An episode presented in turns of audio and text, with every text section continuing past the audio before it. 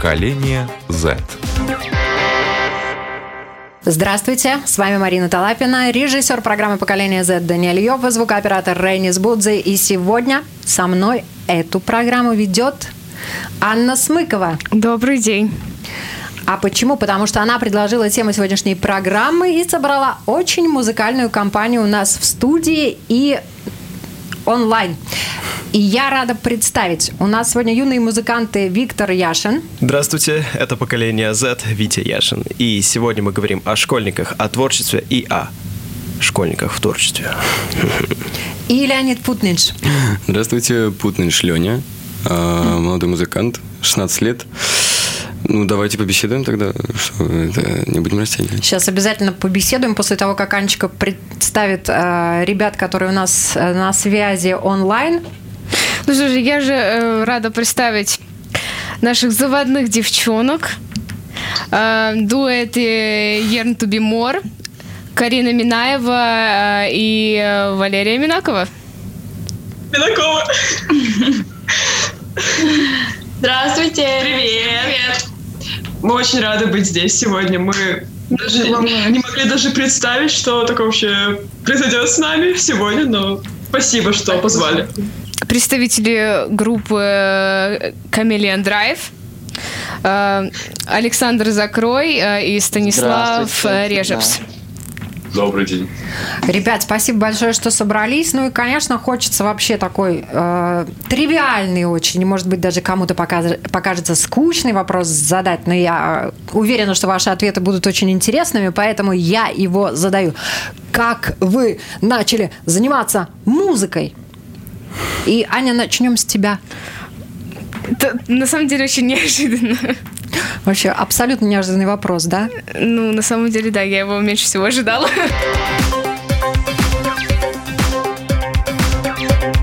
Поколение Z. Музыка нас связала. Во сколько лет ты взяла в руки рояль? Боже, в первый раз. Наверное, я была очень маленькая, я даже не вспомню. Но я как-то отошла от инструментов на очень долго. Я считала, что музыка это не мое, это не серьезно. Я пыталась от нее убежать, и сколько не убегала, я все возвращалась. И, наверное, более осознанно вернулась в лет 10, и как начала петь, так вот и не заканчиваю по сей день. А потом, конечно, пришло написание песен и остальные вещи. А почему ты сбегала? И во сколько лет вот ты первый раз э, действительно, ну если серьезно, села за рояль или познакомилась с каким-то другим инструментом? Наверное, в лет 13. Ну, это достаточно осознанный возраст. Музыка Но обычно... петь ты начала еще раньше, да? да ты да. убегала именно от пения, правильно я понимаю? И от музыки, в принципе. Просто убегала. Я считала, что это не мое, что мне это в жизни что не это надо. лишнее, да? Да. Я всегда хотела более, ну, как я считала, серьезными вещами заниматься и так далее. Ну, с девчонок начали, девчонками продолжим. Ну, да. Девочки, Карина, давайте, Валерия, рассказывайте. А, Карина или... Ладно. Да, вообще у нас у всех разная история. Да. Мы отдельно начали заниматься музыкой сначала. Ну, расскажи а, про себя, Карина. Я в этом дуэте вокалистка, и петь я вообще начала с 9 лет дома просто в караоке. И так я пела на протяжении пяти лет, тайком от мамы, чтобы никто не узнал, пока на меня не начали жаловаться соседи. Вот. И вдруг я решила сказать маме, то, что я хочу поступить в музыкальную школу и заниматься музыкой серьезно пошла на класс гитары и бросила через три года. А потом э, буквально вот с 15 лет, мне сейчас 16, я начала заниматься вокалом в студии, и э, мы с Лерой в дуэте уже как год выступаем вместе. Скоро у нашего дуэта день рождения, как раз 21 августа, и это что-то нереальное.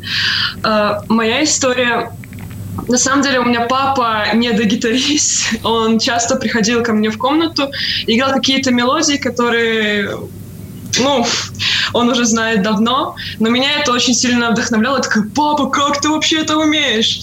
И иногда я тоже брала у него гитару и что-то пыталась наиграть. Но это были просто игры. И вот где-то два с половиной года назад я встретила одного замечательного человека, который и привел меня в мир музыки. Э, я пошла к нему на занятия, и с тех пор в моей жизни музыки становилось только больше. Сначала это была гитара, потом появилась пианино, вокал. немного ударных, и мне хочется погружаться все больше и больше. И Карина мне в этом тоже помогает сильно. И Вот ты так. берешь частные уроки? А, Частный или по интернету иногда. Что-то Иногда просто сажусь и часами могу просто играть непонятно что, пока мне не надоест, или я такая, о, это звучит неплохо. Aren't you tired trying to feel that boy? Or do you need more? Ain't it hard keeping it so hardcore?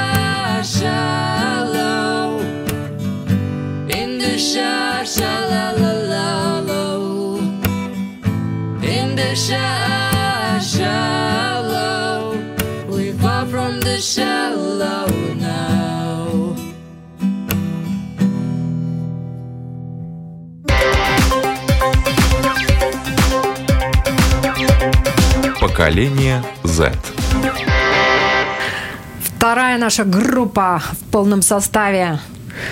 Хамелеон Драйв. Ну, это все с детства пошло, я думаю. Как бы отец, когда я катался у него с ним на машине, вот, у него всегда были CD с Цоем. Вот, наверное, это мое первое было знакомство с музыкой. Вот, это группа кино и Виктор Цой. Ну, а дальше все просто по накатанной пошло. Я там, там что-то услышал, там что-то услышал. Потом понял то, что, ну, я могу так же вроде как делать. И вот, потом с помощью отца благодаря отцу у меня появилась первая гитара. Вот, и я с помощью там YouTube видео как-то сам начинал чему-то обучаться. И вот годы шли, э, мои навыки росли. Ну, и знаете, имея такой образ жизни, ну просто невозможно не найти твоих единомышленников. Что-то такое. И вот и так я познакомился со Станиславом вот, на одном концерте. Ну, это Ну. круто. Ты так уже говоришь, сколько тебе лет? 17.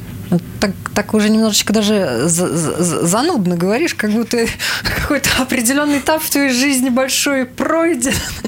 Но все равно здорово, на самом деле, что так говоришь, что интересно так рассказываешь. И, Станислав, расскажи тоже, как, как так случилось, что ты оказался э, человеком, который занимается музыкой, и вы создали, собственно говоря, вашу группу. Мой музыкальный путь э, похож на путь Александра. Тоже у меня в семье, так сказать, можно, высокая, можно сказать, высокая культура музыки. Вот все мое детство в машине у моего папы звучало, звучал классический хард-рок и психоделический рок 70-х. Ну, там всякие Pink Floyd, Deep Purple, также Beatles. Вот. э, И всегда я слушал партии гитары, мне было очень интересно, я хотел это тоже сыграть, но боялся, думал, что у меня ничего не получится. И вот мне сейчас э, недавно исполнилось 18 лет, можно сказать, практически ровно два года назад у меня впервые в руках появилась электрогитара, которую мне одолжил мой друг, который ее уже давно забросил. И с тех пор я учился исключительно сам, так же, как и Александр, э, без всяких преподавателей, исключительно по YouTube-видео, разучил песни. В один момент я понял, что я и сам хочу писать, где-то через полгода. Начал понемножку заниматься своим творчеством. Вот. все увеличивалось, увеличивалось в масштабах. Э, Я также понял, что мне нужно уже немного петь, учитывая, что я играю свою музыку и пою. И когда развалился музыкальный коллектив, в котором я до этого играл, я решил, что нужно брать дело в свои руки. И встретив Александра на концерте как раз, э, мы начали свой музыкальный путь в этом новом коллективе Chameleon Drive, где играем свою авторскую музыку.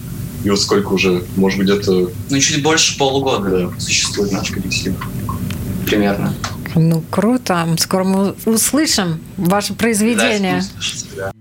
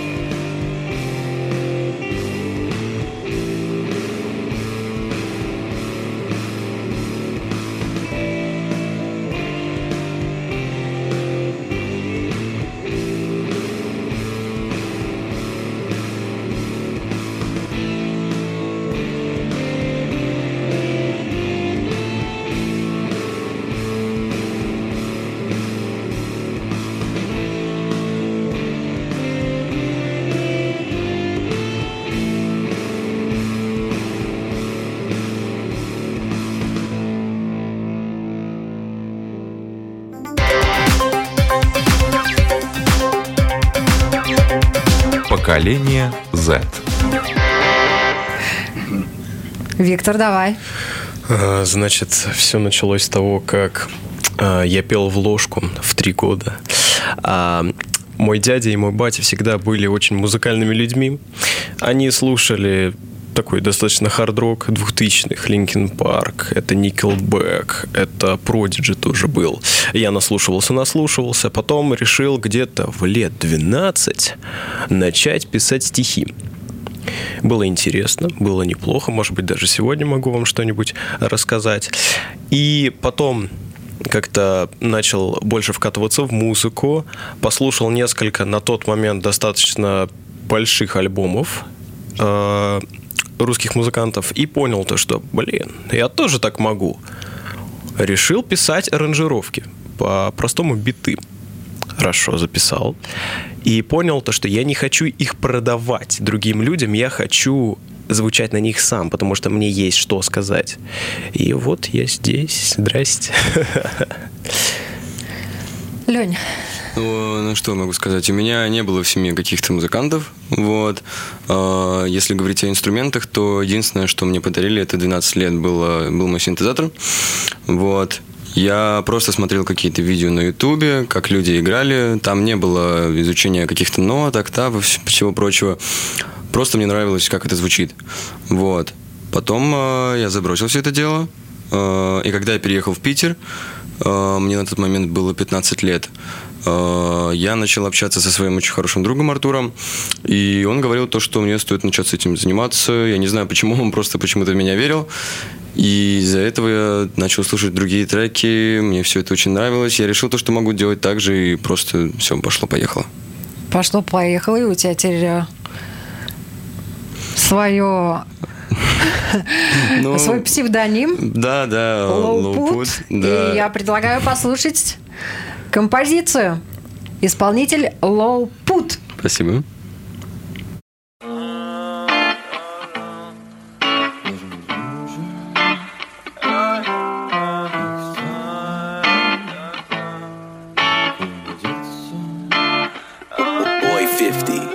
Ты забираешь душу, мы с тобой даже не дружим забираешь нервы, ты ведешь себя как стерва. Ты забираешь сердце, мне теперь некуда деться. Ты забираешь тело, все теперь как хотела. Ты забираешь душу, мы с тобой даже не дружим. Ты забираешь нервы, ты ведешь себя как стерва. Ты забираешь сердце, мне теперь некуда деться. Ты забираешь тело, все теперь как ты хотела. С каждым днем все тяжелее думать только о тебе. Почему я растворяюсь в одинаковой толпе? Я, я чья-то копия, я сам себе судья. Я ненавижу сук, что ходит за мной по пятам. Сколько нервов убито, сколько слов было разбито. Как бы сильно не хотел, ты мной не будешь забыта Если ты не веришь мне, тебе не верю И подавно сколько злости и обиды Среди них ни капли правды. Я хотел бы измениться, к сожалению, не могу. Я хотел бы вновь влюбиться, но тебя не люблю. Я хотел бы извиниться, лучше просто промолчу.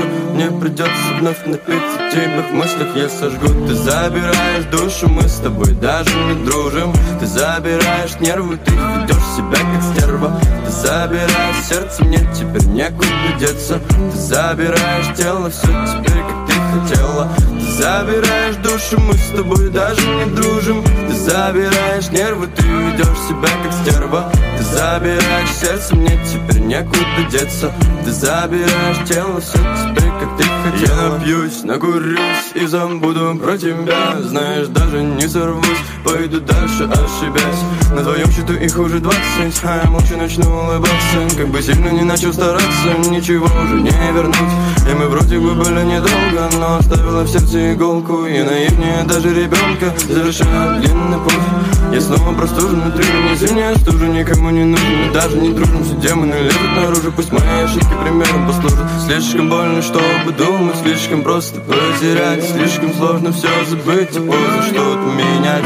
Я хотел бы тебя обнять, поцеловать и Тихо-тихо на ушко прошептать, что Ты забираешь душу мы с тобой даже не дружим. Ты забираешь нервы, ты ведешь себя как стерва.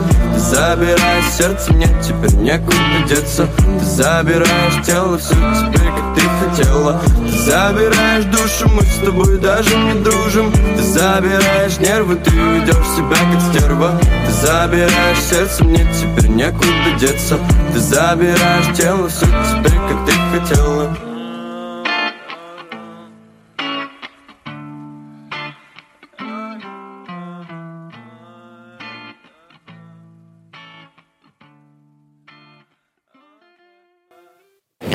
Ну, есть у кого-нибудь какие-то слова? Ой, сердечко растаяло, мне так понравилось. Не, правда, честно. Достойно. Спасибо большое. Достойно. Спасибо, спасибо. Девчонки, а вас зацепило? Не качала. Вас Мы покачало. Да, вот так. Ну и следующую композицию и следующего исполнителя, исполнителей объявит Анна. Да, и следующим выступлением э, мы послушаем наших ребят из Chameleon Drive.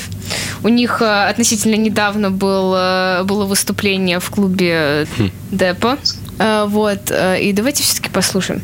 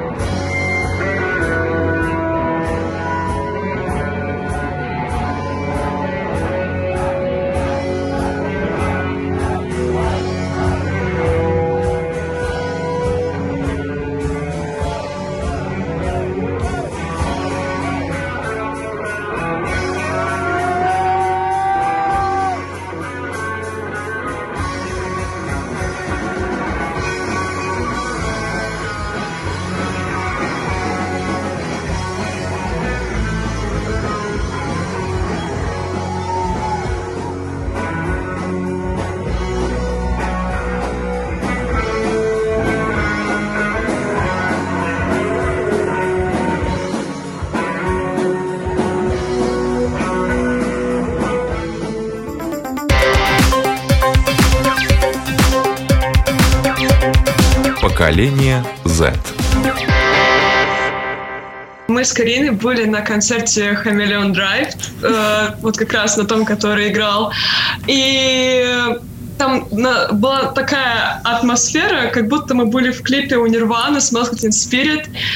И я теперь хожу на костылях. Я потянула ногу, меня на так занесло, что... И такой был драйв, что... Да, ребята, теперь... Слушай, ты сказала на самом деле, это как, я не знаю, некоторые, наверное, возьмут на заметку, и прям такое жаргонное выражение получилось. Я теперь хожу на костылях. После того, как Нет, послушала. Хорошо. Все, все, все хорошо. Уже лучше.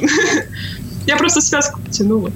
Да, и следующей э, записи мы послушаем наших э, дорогих девчонок. Э, честно, м- я могу сказать, я обожаю, как они поют, мне очень нравится то, что они делают. Вот. Ты, ты- ты прям испортила предвкушение. Ну ладно. Прости. Хорошо. Просто, ну, действительно, мне очень нравится то, что они делают, поэтому я их с удовольствием позвала на передачу. Э, Вот, мы послушаем тоже одну из их выступлений.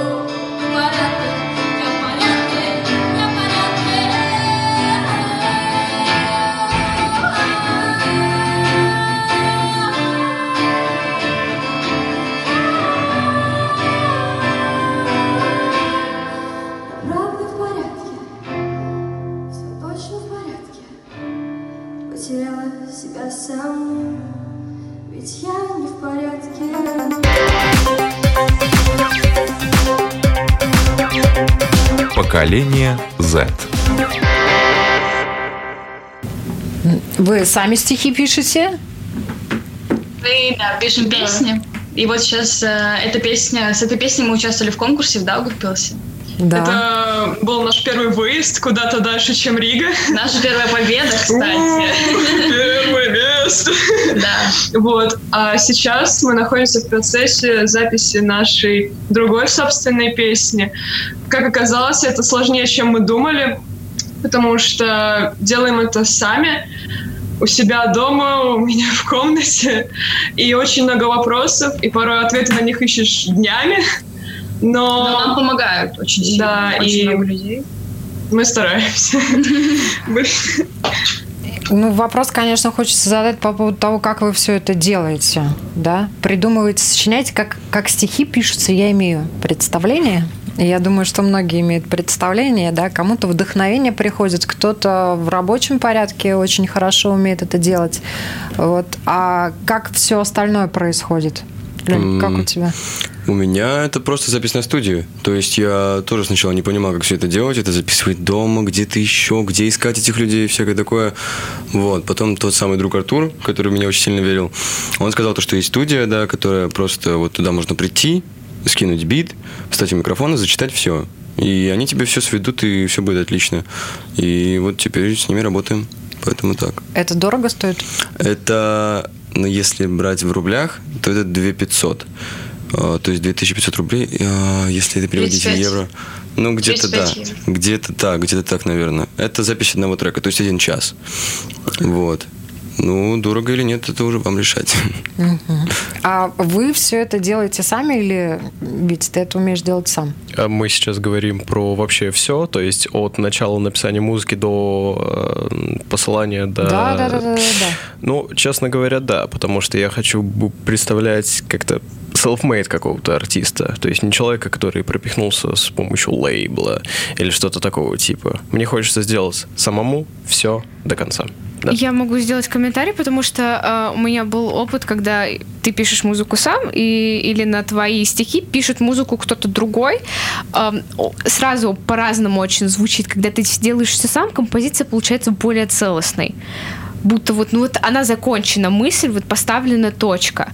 А, и плюс, когда ты пишешь с кем-то музыку, а, это получается как бы намного интереснее, то есть ты смотришь на свои, ну, условно, стихи с разных сторон, да, как это все можно обыграть, но столько разногласий на самом деле, потому что каждый видит в, в как- в тексте что-то вот другое.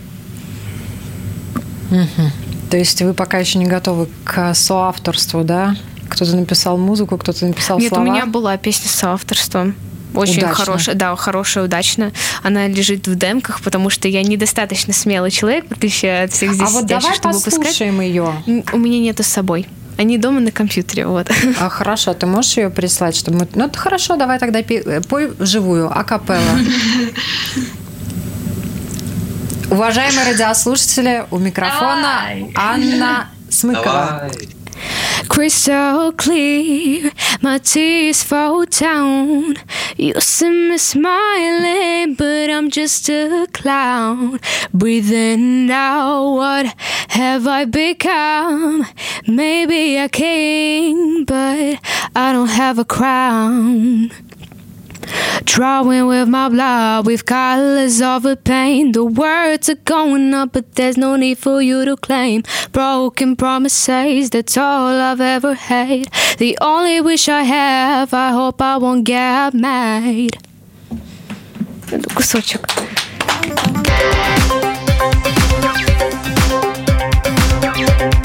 Поколение Z. ты много занималась вокалом. Да, и это- брала индивидуальные уроки. Да, это была есть моя жизнь. Я живу только музыкой, делаю все ради музыки. Хочу учиться, ну, не совсем на вокал, но на музыкальное продюсирование. Вот. Это моя небольшая мечта такая. Вот, ну что я могу сказать? я этим занимаюсь всю жизнь. Я изучала э, разные техники вокала. И мне кажется, что я даже, в принципе, могу его и преподавать, потому что я действительно в этом очень разбираюсь. Я посвятила этому всю свою жизнь, начиная ну, с лет 9, наверное. Сказала Анна, которой 16 лет. Уважаемые радиослушатели, я сижу и, и так э, на самом деле э, слегка шокирована тем, что сегодня выдает э, молодежь. Мне интересно, ребят, поговорим потом о музыке, но сейчас вот как ваши родители относятся к вашему творчеству? Бывают у кого-то разногласия, а? Лера, и, и- и тебе, тебе есть что сказать? Давай начнем с тебя. Конечно, когда только начиналось, я там только там первые месяца играла на гитаре, конечно, говорю, да, типа играй, круто, хорошо. Эм, Но потом, когда они стали видеть, что я уже отношусь к музыке не просто как хобби, к чему-то, чем, ну так, иногда там раз в неделю можно сесть поиграть, э, их это стало настораживать и даже пугать доходило до ссор и скандалов. Говорили, что зря мы тебе эту музыку вообще показывали, что лучше бы я делала что-то другое. На самом деле, это было очень больно слышать, но я рада, что меня это не остановило. И сейчас удивительно видеть то, как мама моя постепенно начинает принимать это. Она уже не пытается отговорить меня. Да, ей страшно до сих пор. Она переживает, как и я на самом деле. Но она видит, что я это люблю и начинает, как я уже сказала, понимать это и даже помогать. Часто, когда с папой как раз-таки начинается разногласие, она приходит и успокаивает уже. То есть... И это, это приятно. Это как будто я чувствую, что реально перехожу на новый уровень, что даже мама уже начинает с этим смиряться. Следующий уровень — это папа, когда он сможет это принять. Ну вот, посмотрим. Ну, успехов. Спасибо. Э, Ребят, кто еще хочет? Э, Саш, давай ты.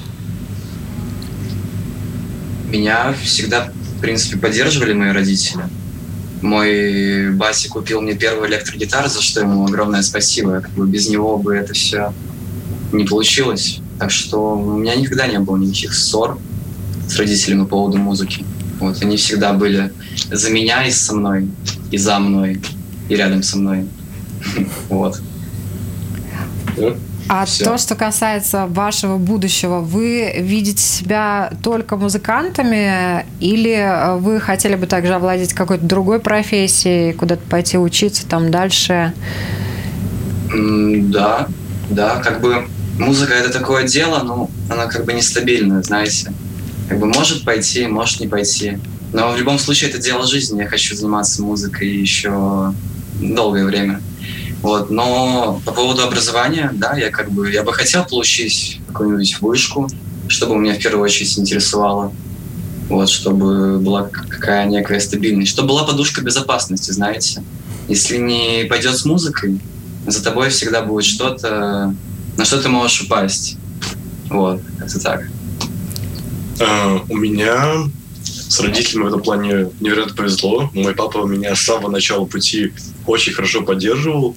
Ему всегда было интересно то, что я делаю. Вот время от времени он сам заходит в мою комнату и говорит, не, написал ли я что, чего-нибудь нового. Также он мне поддерживал мате- материально. Благодаря нему у меня есть мои главные инструменты, с помощью которых я и выступаю, и занимаюсь музыкой. С мамой немножко сложнее, потому что ее беспокоит, что я увлекаюсь исключительно музыкой и только музыкой. Вот. Она также говорит, то, что это, конечно, все очень хорошо, но как насчет образования и работы? Вот, поэтому у меня примерно такой же план. Я тоже собираюсь получать э, высшее образование. Как Александр сказал, подушка Да, безопасности. подушка безопасности всегда должна быть. У нас пока что все очень хорошо, но кто знает, что будет через месяц, через два. Девчонки, ребята, кто, вот есть кто только с музыкой видит свое будущее? Наверное, пока что да. Ну, то есть, э, у меня, если брать э, ро- родителей, то мама максимально меня поддерживает. Иногда даже слишком сильно. Слишком сильно. Как Вот. это слишком сильно? Это прям берет на, руки и Ну, несет? нет, нет, там, э, например, скидывает вообще всем своим знакомым, которых знает, не знает, и это очень странно выглядит, как будто она немножко навязывает это все дело. Вот. Но, да, она также поддерживает материально, э, по крайней мере, если мне там что-то надо, но мне в последнее время все чаще и чаще становится немного неловко, как это просить у нее деньги. Именно поэтому я сейчас устроился на работу э, в Риге в ресторане в одном на кухне, и уже вот сейчас работаю второй месяц, и все, слава богу, смогу с мамой денег не драть больше. Вот. А, На самом деле, для меня это достаточно сложный вопрос, потому что я уверена уже на сто процентов, что я буду заниматься музыкой. Как? Э, Конечно, в первую очередь хочется как артист, но есть запасные варианты. К примеру, уже сейчас я подрабатываю, скажем так, учителем. Я преподаю базу игры на гитаре и укулеле. И с помощью этого я как раз-таки оплачиваю все свои занятия и покупаю все, что мне необходимо. Вот. И на данный момент, э, скажем так, если говорить о высшем образовании, то это что-то, что идет после школы. А школа на данный момент, если честно, является для меня небольшим ограждением от музыки. То есть мне хочется погрузиться в нее прям с головой, а когда тебе нужно вставать в 7, идти в школу, сидеть там до трех, потом приходить домой, зачем-то что-то зубрить, и только, не знаю, после этого заниматься, это мешает. А когда, когда школа закончится, как раз-таки у меня будет полное время, и кто знает, что может произойти, если я отдамся на все сто процентов, а не только на какие-нибудь там 50. А у меня вопрос вообще, как вы относитесь к серьезному классическому музыкальному образованию? Наверное, положительно. Но оно, ну, в любом случае интересно, когда у тебя есть какая-то определенная база, тебе гораздо проще отталкиваться уже от нее, если ты там что-то хочешь другое изучать э, в плане музыки. То есть вы не исключаете, что вы захочете, э, захотите углублять э, свои знания, познания Наверняка. музыки, да, изучать ее глубже, основы ее, Моцарта пиликать на скрипке. Ну вот э, большинство ребят упомянули, что все-таки они хотят всю жизнь заниматься музыкой, это их дело. Ребят, вот э, если вы собираетесь остаться в Латвии, это такой довольно каверзный вопрос, то давайте ответим все вместе честно. Сп- можно ли в Латвии заработать на музыке деньги и спокойно жить? Вот только занимаюсь музыкой. Давайте ответим честно, пожалуйста. Это трудно. Это зависит от языка, на котором ты исполняешь музыку. Если ты исполняешь на английском, например, ты можешь э, жить и в Латвии, и в России, и в Америке. Это не важно. Если, например, ты исполняешь музыку на русском, то все же желательно стремиться на русскоговорящий сегмент аудитории, потому что там и больше связей, там все студии, там все люди знающие. Вот. Ну, на латышском поешь. Добро пожаловать сюда. Такие дела. А хорошо, кто-нибудь из вас уже на сегодняшний день какие-то денежки зарабатывает благодаря своему искусству и творчеству? Есть такое, бывает. Когда Бывает, но перепадает. нестабильно, да? Ну, это Пока. так. Я посылаю свою музыку на дистрибьюцию, то есть это на самые большие площадки Apple Music, iTunes, э, Spotify и так далее. И зависит от того, сколько раз меня послушают, столько денег я и получу. Конечно же, там я не могу месяц прожить на такую сумму, но, например, сводить кого-нибудь в ресторан, почему нет? И не раз, и не два. А как бы вы хотели зарабатывать деньги музыкой? Концерты, дистрибьюция. Ну, примерно так же, да. Девочки. То же самое. Ну да, в первую очередь это своим творчеством артист. Потому что как учитель я уже сейчас зарабатываю. То есть в этом на самом деле нет проблем. И если за это браться серьезно, то, блин, это на самом деле даже очень прибыльно. Но это немножко другое дело. Мы также с Кариной на улице еще выступали прошлым летом. Это тоже какой-то заработок? Да, за час там сколько мы? 30, 25. Ну, ближе к 25 Ну, что-то 25 было. евро где-то за час, если выступать еще подольше, программу составить, то, в принципе, неплохие деньги. Для Ну, есть- подростков. Но есть люди взрослые, которые этим только уличным ули- на улице музыкой так и зарабатывают. На самом деле, ребят, как у вас? Ну, Саша, с группой мы еще ни копейки на самом деле не заработали. Ну, вам только полгода. Ну, как бы да. Еще всё впереди. Лично же я сам я играл на улице два раза и заработал 2 евро. А почему только 2 евро? Ты, ты вышел, э, заработал Я 2 полчаса евро и просто ушел? играл. А. Я просто полчаса играл, потому что мне скучно было. Что-то такое. Вот. А как можно заработать в рок-группе?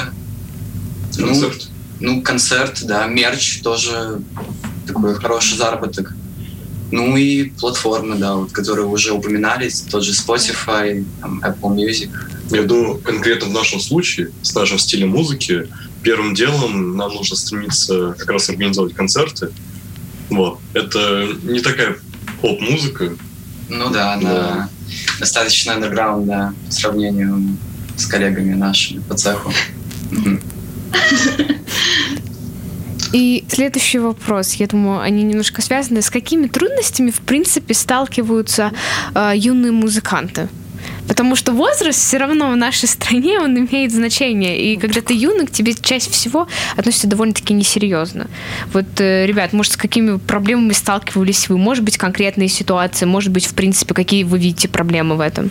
Это непонимание друзей в первую очередь для меня. У меня большое количество знакомых, большое количество друзей, и они все мне говорят, что, слушай, вот здесь бы сделал вот так, а вот здесь, ну зачем так, а вот это, ну вот полное фуфло, давай по-другому, а здесь хорошо. И ты каждому, с одной стороны, хочешь прислушиваться, а потом думаешь, да, идите вы все в баню, буду делать по-своему. И это сильно заседает в мозгах.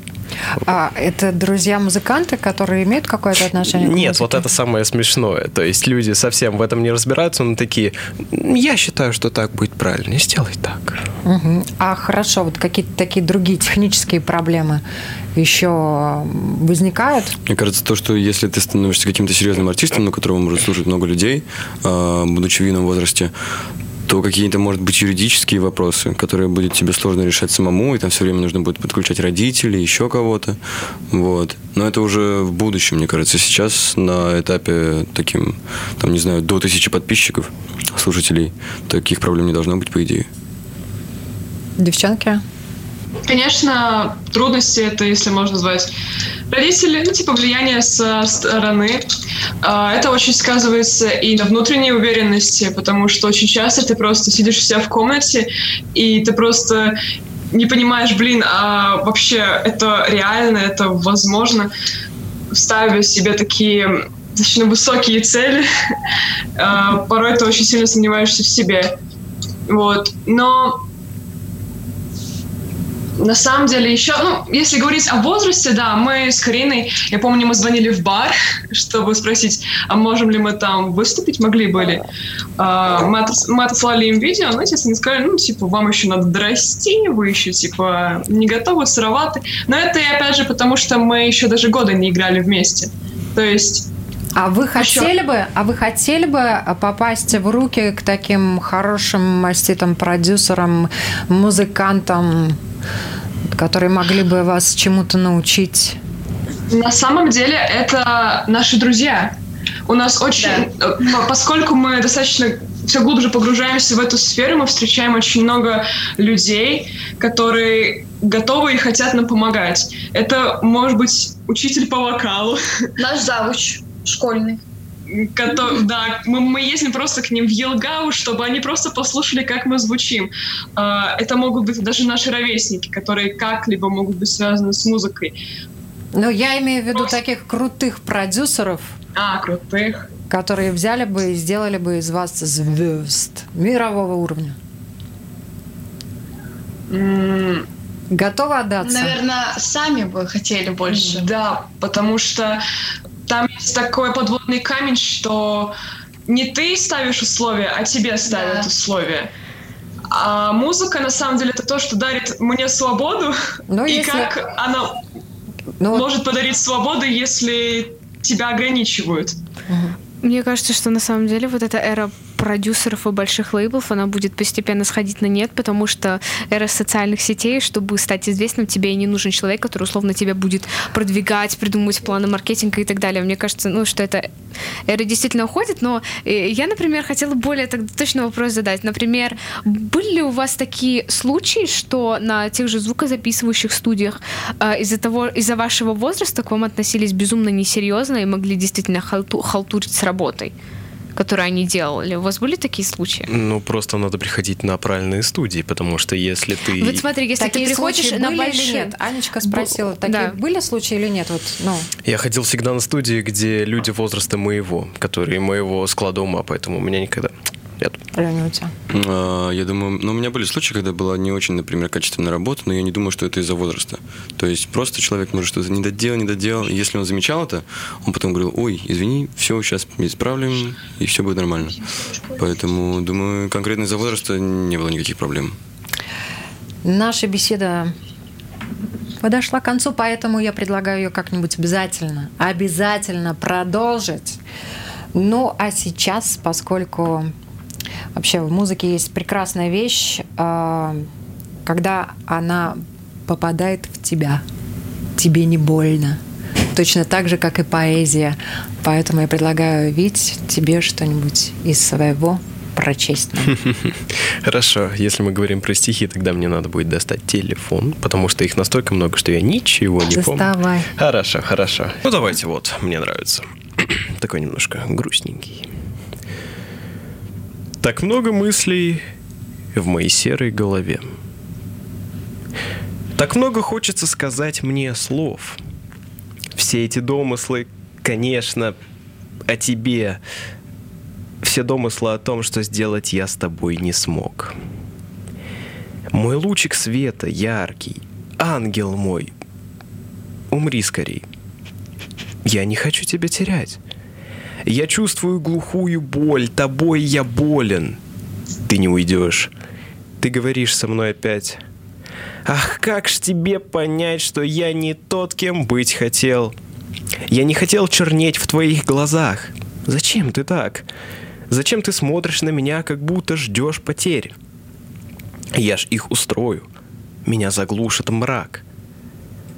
Ты хочешь выбраться отсюда, залив все тут слезами? Мой нрав сильнее был. Тем самым ты ушла в астрал. Я задушил свою любовь своими же руками. О боже, мама, мама, кем я стал? Всем спасибо и до новых встреч.